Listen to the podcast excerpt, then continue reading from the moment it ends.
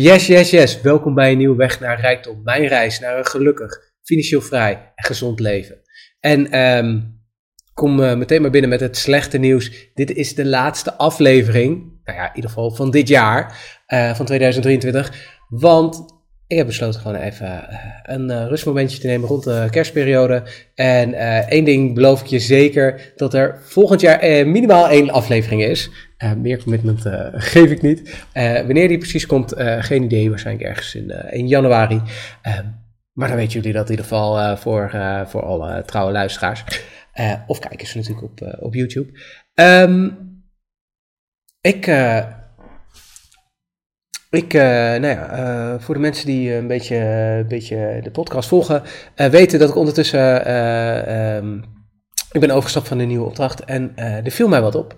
Er viel mij natuurlijk altijd wat op. Ik zie een hele hoop en ik vond het vooral leuk toen de laatste vraag werd gesteld. Nou, zei, heb je nog opmerkingen, punten die we mee kunnen nemen? Toen dacht ik, ja jongens, ik ben net een paar weken is dit wel het handigste moment om voor mij nu mijn grote mond open te trekken en van alles te gaan spuien over van alles en nog wat. En toen dacht ik, nee. Um, voor de oplettende luisteraar trouwens, als je denkt, hey, het zicht is anders, ik kon mijn tripodje niet vinden waar ik normaal uh, de webcam op zet. Dus uh, hij staat nu gewoon uh, op de, je ziet nu mijn um, standaard achtergrond als ik op Teams en weet ik veel wat niet zit. Dus en mocht je nou denken, Menno, waar heb je het over? Ik luister alleen maar. Het camerabeeld staat uh, anders dan normaal. Um, lekker chaos in mijn hoofd. Heerlijk. Het wordt weer zo'n podcast. Ja, sorry. Um, not sorry. Maar um, ik ben dus begonnen op een nieuwe opdracht. En uh, er viel meteen natuurlijk wat dingen op. En wat mij eigenlijk het eerste opviel is... Hè, wat is het fijn om ergens anders te zijn. En dat is misschien wel uh, een leuk thema voor deze podcast. Hè, wat is het fijn om ergens anders te zijn. En ik denk dat we allemaal wel eens het gevoel hebben van oké, de plek waar ik ben, ben ik daar nou wel echt gelukkig? En als ik ergens anders ben, hé, hey, waarom was het daar zo fijn? Dus stel dat jij op vakantie gaat en denkt, oh, ik moet weer terug en de werkweek en dan poeh, en daarna stort je er weer in. En dan race je van weekend naar weekend en dan na de volgende vakantie, een half jaar later. En dan denk je, oh, wat lekker, heerlijk, tijd voor elkaar. hey, besta jij ook nog? hey, je hebt tien vingers, wauw. Um, dat gebeurt wel eens. En ik heb, uh, nou, dat is denk ik wel, uh, meer aan het begin van mijn carrière heb ik dat ook wel meegemaakt. Ik zat veel in het buitenland. En ik kwam het weekend thuis en het was race, race, race, race. Uh, in het eerste jaar wat ik werkte had ik vakantiedagen over. Domste fout die ik kan maken. Maar ja, weet je, je begint net met werken. waarom zou je vakantie nemen, weet je? Ja, weet ik veel. Dus um, ja, dat was uh, niet zo handig. En uh, dan merk je dat je ineens in zo'n soort, soort trein komt. En als jij in de spiegel s ochtends kijkt en denkt, hè, het is maandag, dan doe je misschien iets verkeerd. Maar als je denkt, het is maandag, dan doe je misschien nog wel veel meer verkeerd. Um, en dat is natuurlijk een hele harde oordeel, dus sorry daarvoor voor de mensen die meteen zich zwaar aangesp aangesproken voelen. Maar als jij geen zin in maandag hebt, hè, oh, het is weer maandag, I hate Mondays maar wat is er nou zo erg aan? Want je kan ook zeggen, yes, het is weer maandag, ik mag weer, ik mag weer de toffe dingen doen en uh, uh, het verschil maken. En wat ik eigenlijk wel heel erg gemerkt heb de afgelopen jaar is, het is zo belangrijk om stil te staan met de kleine dingen die gebeuren op de dag. Want als je alleen maar je grote successen viert, dan vier je, nou, met een beetje geluk één succes per jaar. Misschien één succes in een paar jaar. Hè, hè, we hebben dat project eindelijk afgerond. Joepie de poepie. Terwijl als jij kan vieren, yes, ik ben naar de sportschool geweest op maandagochtend. En yes, ik, uh, ik, uh, ik, heb, uh, ik heb gewoon plezier gemaakt met mijn collega's. En yes, en yes, en yes, en yes. Snap je al het verschil dat dat heel lekker kan voelen? Als je in plaats van één keer een yes momentje hebt, de hele tijd yes momentjes hebt. En dat is misschien ook wel uh, mijn uitdaging voor jou voor volgend jaar. Kan jij stilstaan bij alle kleine mooie dingetjes van de dag? En dat is niet makkelijk. En uh, ik vergeet het ook af en toe. Maar ik merk dat als ik gewoon denk, hé, hey, ik heb het naar mijn zin, het is leuk en daar ben ik dankbaar voor. Dan wordt het ook gewoon weer leuker om dingen te doen. En dan kan het nog steeds heel fijn zijn om op vakantie te zijn, maar dan denk je, hè, het was fijn en ik ben weer terug en ik ga weer leuke dingen doen. En dat is natuurlijk een hele andere insteek dan, het is weer uh, maandag en dan op vrijdag zo zo, nou het is vrijdag, kratje bier, En dan denk je, oh, het weekend is weer weggedronken, uh, voorbij gevlogen. Um, ja, dat is, ja, kan je weekend zijn. Maar misschien kunnen we ook wel zoveel meer uithalen. En um, dat vind ik denk ik ook wel mijn les van dit jaar. Hè? Zo aan het einde. Van, ik merk gewoon, het is ook gewoon een beetje, hoe kijk je naar de wereld? En um, als je dan kijkt naar kinderen, uh, het grappige is, je kan ongeveer 90 seconden een emotie vasthouden en daarna trigger je weer jezelf. Dus dan hou je jezelf erin vast. Maar in principe, als je uh, ziet hoe snel kinderen van emotie kunnen eh, wisselen, vooral op een jonge leeftijd, dan kan je echt zien van, oh, ze zijn nu verdrietig, dan zijn ze aan het lachen. Ze zijn verdrietig en het lachen tegelijk. Ze vinden het eigenlijk wel grappig, maar ze zijn ook een beetje boos.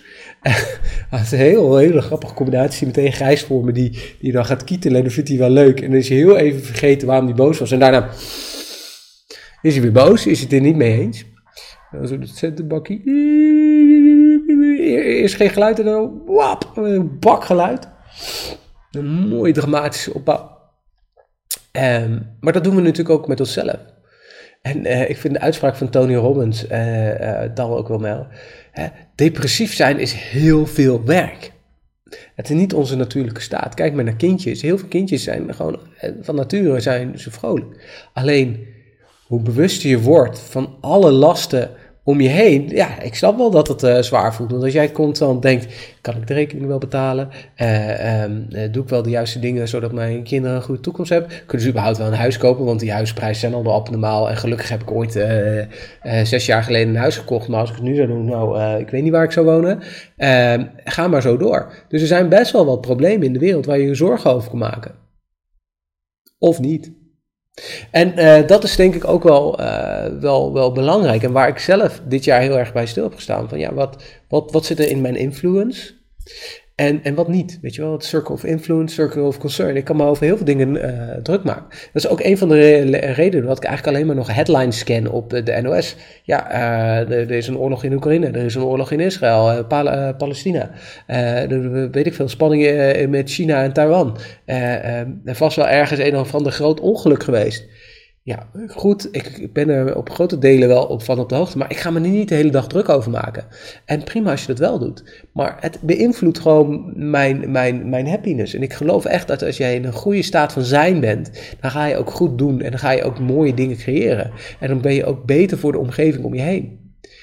Dus dat is eigenlijk de keuze maken. Ik wil beter zijn voor de omgeving om me heen, zodat het zeg maar, een soort uitvloeit. En dan weet ik zeker dat als we dat allemaal zouden doen, dat mijn kinderen in een hele mooie, prachtige omgeving opgroeien. En als we elke generatie het een stukje beter achterlaten dan we het hadden, nou, dan, dan, dan wordt het toch alleen maar mooier.